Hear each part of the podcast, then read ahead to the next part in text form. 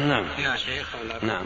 إذا كان شيخ رجل له أم ما تصلي إلا أنها يعني مقرة بالتوحيد يعني وماتت وهي تاركة للصلاة نهائيا وعارفة الحكم في ترك الصلاة.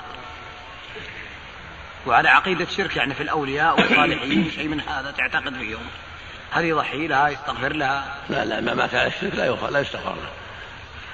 النبي صلى الله عليه وسلم استأذن ربه أن يستغفر لأمه وماتت في الجاهلية. نعم. فلم يأذن لها ولم يأذن الله سبحانه وتعالى. هذه لا يزورها ولم يأذن له يستغفر لها وهكذا لم يأذن له يستغفر لعمه أبي طالب مع أنه نصره وحماه. وأنزل الله في هذا ما كان النبي والذين آمنوا يستغفرون المشركين. ولو كانوا أولي, أولي قربى فلا يستغفر للمشرك. ولو أنها أمه إنها ماتت على الشرك أو على ترك الصلاة لا يستغفر لها ولا يدعى لها.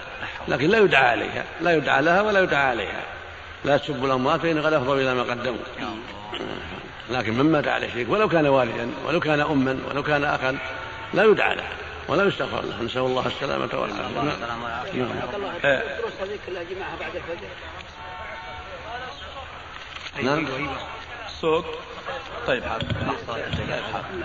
الدروس هذه يوم الأحد ويوم الاثنين ويوم الأربعاء والخميس. نعم. الفجر. الفجر بعد صلاة الفجر. في هذا الجامع. وليلة أحد وليلة الاثنين فقط. مساء الأحد ليلة الاثنين في هذا الجامع مع مع الندوات هذه ليلة الجمعة. نعم. وليلة الخميس يا شيخ الله. ينهى نعم. ليلة الجمعة